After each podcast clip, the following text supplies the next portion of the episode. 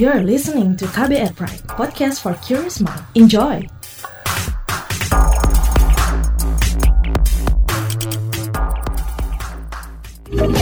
Kamu lagi dengerin What's Trending KBR Pagi. KBR Pagi, siaran pagi radio paling update. Selamat pagi, apa kabar Anda hari ini di hari Rabu 21 Oktober 2020? Kembali lagi Don Brady menemani pagi hari Anda di What's Trending KBR Pagi yang seperti biasa akan ngobrolin satu hal yang lagi ramai diperbincangkan. Pagi ini kita ngobrol soal menilik hasil survei kepercayaan masyarakat terhadap vaksin dan obat COVID-19.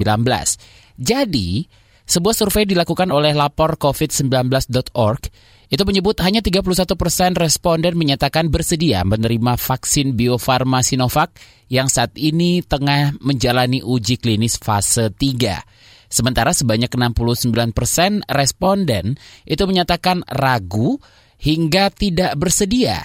Survei itu dilakukan bersama peneliti dari Fakultas Psikologi Universitas Indonesia, Magister Manajemen Bencana UPN Veteran Yogyakarta, dan Forum Perguruan Tinggi untuk Pengurangan Risiko Bencana dan dipaparkan pertengahan Oktober lalu. Dari survei itu juga didapatkan bahwa penerimaan responden terhadap vaksin merah putih yang tengah dibuat LBM Ekman Bio Farma sedikit lebih baik yakni 44 persen bersedia dan 56 persen responden itu menyatakan ragu-ragu hingga tidak bersedia menerima. Pengambilan data dilakukan secara online karena memperhitungkan keamanan di masa pandemi menggunakan aplikasi survei Qualtrics pada 22 September hingga 3 Oktober 2020. Jumlah responden lebih dari 2.000 dengan usia 18 tahun ke atas. Sebelum kita bahas lebih lanjut soal ini, kita simak dulu komentar netizen plus 62 soal ini. Ini dia. Pertama, akun @hamzah underscore saputra A bilang, terkait vaksin di tanah air pasti menjadi polemik soal halal dan haram. Suara-suara kelompok anti vaksin dan suara yang tak percaya vaksin COVID-19 bisa efektif dan aman untuk masyarakat kini juga mulai terdengar. Akun @susilo L bilang, kan yang kemarin tergesa-gesa situ, yang mau di-shot situ. Padahal vaksin Sinovac aja belum tentu terbukti bisa menangkal corona. Takutnya justru itu seperti seperti antivirus komputer yang tiap tahun atau masa akan terjadi yang membahayakan dan harus selalu di-upgrade dengan hashtag perumpamaan. Jadi pemerintah harus hati-hati benar dengan vaksin. Akun at aku uwu sekali bilang, kalau udah ada vaksin corona sih nggak apa-apa, tapi kalau belum ya serem woi. Akun at duni 7 at ros bilang, sama artinya nggak ada jaminan vaksin tersebut dapat membentuk imunitas terhadap virus corona corona sama halnya pakai kalung ekaliptus. Akun at Olivia underscore Catherine bilang, dengan hashtag terpopuler Organisasi Kesehatan Dunia menyebut orang muda yang sehat tidak mungkin akan mendapatkan vaksin corona sampai tahun 2022. Hmm, kenapa? Akun at Novi underscore Ula bilang, Indonesia udah ribut distribusi vaksin corona. Kok negara-negara barat masih sepi-sepi aja soal distribusinya? Kayaknya apa gue yang gak ngikutin? Akun Vanilla underscore ASR bilang, apa pun maslahatnya itu terkait vaksin, yang pasti kita udah ikhtiar. Semoga corona cepat berlalu. Terakhir akun GNWN underscore D bilang, vaksin covid gak usah disuntik, tapi disebarin di udara gak bisa tah. Bisa lah ya, canggih ong.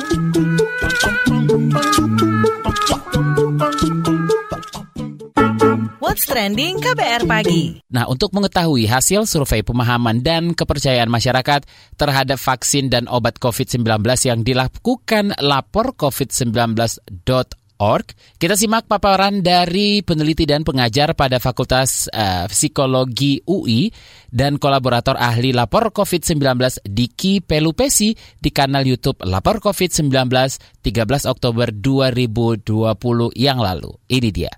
Yang pertama memang kita bisa lihat dari data-data menunjukkan e, mayoritas atau sebagian besar responden itu khawatir dan percaya bahwa pandemi berdampak buruk bagi kesehatan. Ini sebetulnya baik ya karena kemudian kita melihat artinya pemahaman masyarakat yang baik ya soal dampak e, pandemi ini terhadap kesehatan. Nah, tetapi hari-hari ini belakangan-belakangan ini kita sering menerima informasi tentang vaksin ya dan bahkan kita tahu pemerintah membentuk tim percepatan pengembangan vaksin seperti itu. Nah, tetapi kemudian Dari survei kami, ya, ketika kami menanyakan keluarga, memang sebagian besar itu masih banyak yang ragu-ragu untuk menerima vaksin maupun juga obat. Berkisar 30 sampai 35 persen angkanya. Itu yang ragu-ragu saja. Kemudian sebanyak 70 responden itu menyatakan ragu-ragu bahkan hingga tidak bersedia. Jadi kalau di total antara yang ragu-ragu dan tidak bersedia itu jumlahnya 70 persen mencapai 70 persen yang ragu-ragu dan tidak bersedia mengonsumsi obat, menggunakan obat. Kemudian untuk vaksin biofarmasi Sinovac ya angkanya sebanyak 69 persen ya kalau di total antara yang ragu-ragu dan yang tidak bersedia. Jadi kalau kita baca berarti yang bersedia yang obat itu 30 persen, yang vaksin biofarmasi Sinovac ini eh, sedikit lebih tinggi 31 persen. Nah untuk vaksin merah putih itu eh, justru kita bisa melihat dari data ini ya tingkat penerimaan bisa dikatakan seperti itu lebih besar. Sosialisasinya rasa-rasanya kalau di media itu tidak semasif, tidak seintens ya vaksin eh, biofarmasi Sinovac, tapi justru di sini penerimaan responden lebih besar ya. Kalau dihitung antara ragu-ragu sampai tidak setuju memang 56 persen, berarti artinya kita bisa baca yang setuju atau sangat setuju itu 44 persen. Nah, beberapa rekomendasi terkait dengan data yang kami sajikan hari ini. Yang pertama, menurut kami perlu ada satu langkah evaluatif ya dari pemerintah, dari otoritas ya, evaluasi terkait dengan pengembangan dan pembuatan vaksin ya, dan terutama terhadap janji ketersediaan vaksin ya. Eh, kita eh, mendengar di media pemerintah menjanjikan vaksin bisa tersedia, bisa siap akhir tahun atau bahkan awal tahun 2021 terkait dengan hal tersebut ya bagaimana kemudian apa masyarakat bisa yakin lebih diyakinkan. Kami memandang perlunya ada upaya-upaya yang meningkatkan keyakinan masyarakat ya tadi sehingga kemudian nanti penerimaan masyarakat bisa makin lebih baik makin tinggi. Yang berbasis langkah-langkah saintifik ilmiah yang kemudian kita eh, nyatakan sebagai mantap ya. Mantap artinya kemudian bisa meningkatkan keyakinan kita ya scientific robustness gitu. Nah itu yang kami rekomendasikan yang kedua dan yang ketiga di tengah uh, diskursus sosialisasi apa soal vaksin obat ya kita memandang bahwa penyediaan obat dan vaksin itu uh, hanya sebagai salah satu bagian dari upaya menyeluruh pengendalian pandemi COVID-19. Perlu ada langkah-langkah lain yang juga harus sama baiknya atau bahkan lebih baik, lebih intens ya, yaitu tes, testing, tracing dan juga isolasi dan juga intervensi-intervensi sosial serta juga mungkin itu dalam bentuk pembatasan-pembatasan dan juga kemudian pentingnya memasifkan atau mengkampanyekan soal penerapan protokol kesehatan 3M yang kita kenal. Nah, dalam kesempatan yang sama dari tim pengembang vaksin merah putih sekaligus Wakil Kepala Lembaga Ekman Herawati Supolo Sudoyo juga menanggapi hasil survei tersebut. Kita simak pernyataannya berikut ini. Oke, pertama mengenai obat kan, mengenai yang UNER sebagai bahan dari survei ini. Kedua, Sinovac. Ketiga, merah putih. Nah, mengapa Sinovac itu mendapat perhatian penuh? Karena memang sudah dilakukan. Dan ini barangnya sudah datang. Jadi dari sudut ini ya, dari sudut yang kenyataannya, memang sudah ada dan sudah dilakukan uji klinik sehingga saya kira perhatian dari media, baik itu media cetak, online maupun pembicaraan semua teman-teman dalam jejaring medsos itu berbicara mengenai kasus ini yang nomor dua ini. Jadi mengenai vaksin Sinovac Bio Farma. Sedangkan kalau yang vaksin merah putih itu lebih low profile gitu. Karena apa? Karena tahapnya masih dari tahap penelitian. Sehingga untuk menerangkan kepada masyarakat bahwa ini loh ada vaksin, loh belum ada kok vaksinnya kita masih dalam tingkat malahan tingkat penelitian dalam arti baru kandidat vaksinnya saja itu baru akan ada nanti mungkin bulan ini akhir bulan inilah gitu ya. Bagi kami justru karena kira-kira apa ya yang menyebabkan hal itu kalau dari sudut kita Ya karena memang apakah ini sengaja, apakah memang kita komunikasi publiknya sudah uh, uh, tidak begitu baik atau apa. Di satu sisi kita harus lebih jaga remnya itu supaya tidak memberikan sebenarnya harapan berlebihan. Karena tetap saja kalau bagi kami, bagi kami ya yang sedang bikin vaksin, itu 3T itu tetap pegang prioritas. Jadi kita tidak mau bahwa semuanya itu tergantung walaupun ini ini adalah pengembangan kita sendiri, pengembangan anak bangsa untuk bangsa ini, tetapi ti, jangan sampai ini overshadow sebenarnya tujuan kita ini apa sih? Tujuan kita kan menurunkan semuanya dan tidak bisa dengan satu satu masalah saja. Jadi kalau vaksin ada, everything will be alright gitu. Enggak, tapi kita harus lakukan ini bersama-sama gitu.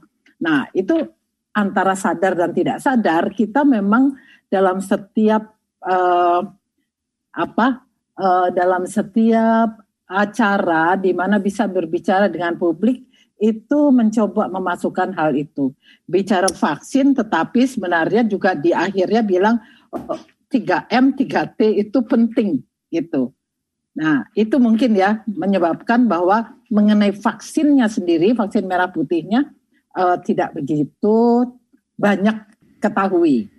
Nah, tapi kalau saya boleh memberikan komentar mengenai kenapa kok walaupun dia tidak diketahui tetapi mendapatkan persetujuan dibandingkan ya dengan uh, yang Sinovac jauh lebih tinggi daripada itu.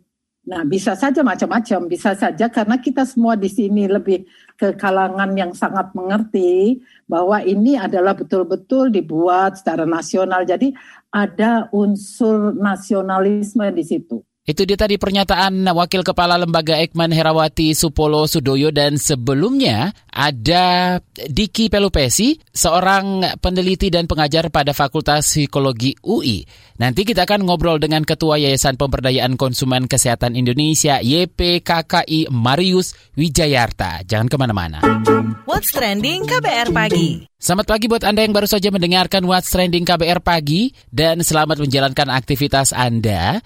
Kita akan lanjutkan ngobrolin soal menilik hasil survei kepercayaan masyarakat terhadap vaksin dan obat COVID-19. Seperti yang saya katakan tadi, kita akan ngobrol dengan Ketua Yayasan Pemberdayaan Konsumen Kesehatan Indonesia, Marius Wijayarta. Pak Marius, seperti apa tanggapan Bapak soal hasil survei lapor COVID-19? Pemerintah itu komunikasinya dulu dibuat yang benar. Soalnya kan gini, kan pengalaman tentang vaksin di Indonesia kan komunikasinya kan buruk ya divaksin juga belum tentu jaminan kan.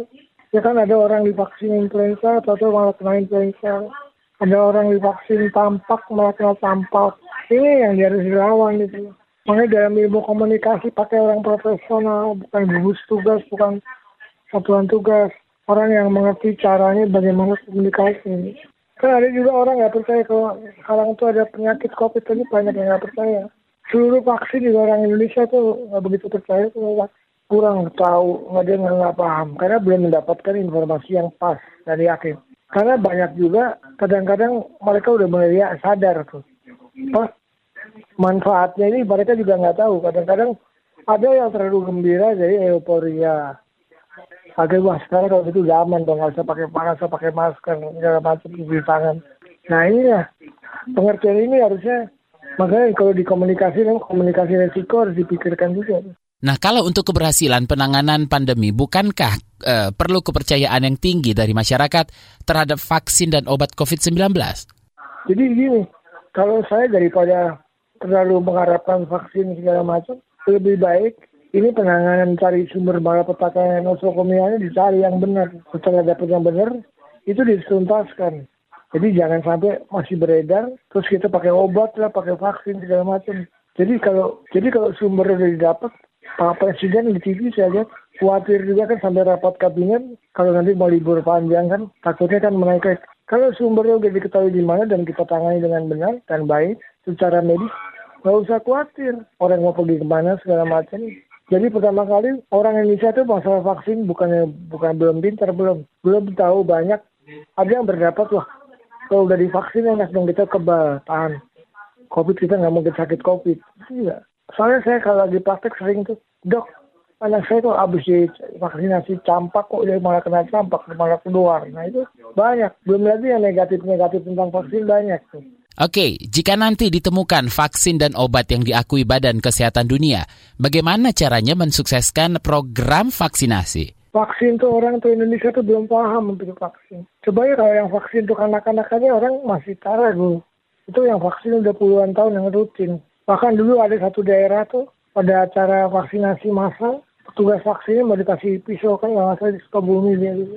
Jadi sebelum pada vaksinasi begini harusnya disosialisasi komunikasi dulu.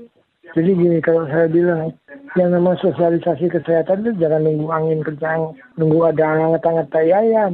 Kalau sosialisasi sosialisasi suatu kegiatan kesehatan itu harusnya terus menerus sampai terjadi kan tujuan akhirnya kan perubahan perilaku kan. Jadi itu harus terus menerus bisa media cetak, media elektronika. Orang kan pertama kali kan gini ada tahapan di, oh, di buku komunikasi kan ada tahapannya. Terus saya juga sedikit belajar komunikasi juga. Pertama kali orang tuh melihat dulu apa sih? Oh vaksin COVID. Gunanya untuk apa? Tapi karena ini sering-sering terus dicekokin, lama-lama kan tadi orang asal lihat, lama-lama dia mendengarkan. Habis mendengarkan mencoba, barulah terjadi perubahan perilaku. Ini kan tujuan akhirnya kan perubahan perilaku. Kalau sekarang kan enggak. Ya vaksinnya mau benar-benar untuk COVID. Jangan kayak obat sekarang. Kemarin kan tahu sendiri obat ternyata itu untuk Ebola. Waktu waktu dulu juga kan obat ternyata obatnya kan kloroquine. Kloroquine obat malaria. Sekarang udah berhenti kan. Terus di, di hidroksikloroquine itu kan obat-obat malaria. Jadi benar-benar yang tepat. Karena sekali sekali masyarakat percaya udah nggak percaya hancur negara Terima kasih Ketua Yayasan Pemberdayaan Konsumen Kesehatan Indonesia atau YPKKI, Marius Wijayarta. What's Trending KBR Pagi. Demikian KBR Pagi hari ini. Jika Anda tertinggal siaran ini, Anda bisa menyimaknya kembali di podcast What's Trending yang ada di kbrprime.id dan di Spotify atau di aplikasi mendengarkan podcast lainnya. Akhirnya saya Don Brady undur diri. Sampai ketemu besok. Jangan lupa selalu pakai masker dan patuhi protokol kesehatan ya. Bye-bye. Terima kasih ya sudah dengerin What's Trending KBR Pagi. KBR Prime, cara asik mendengar berita. KBR Prime, podcast for curious mind.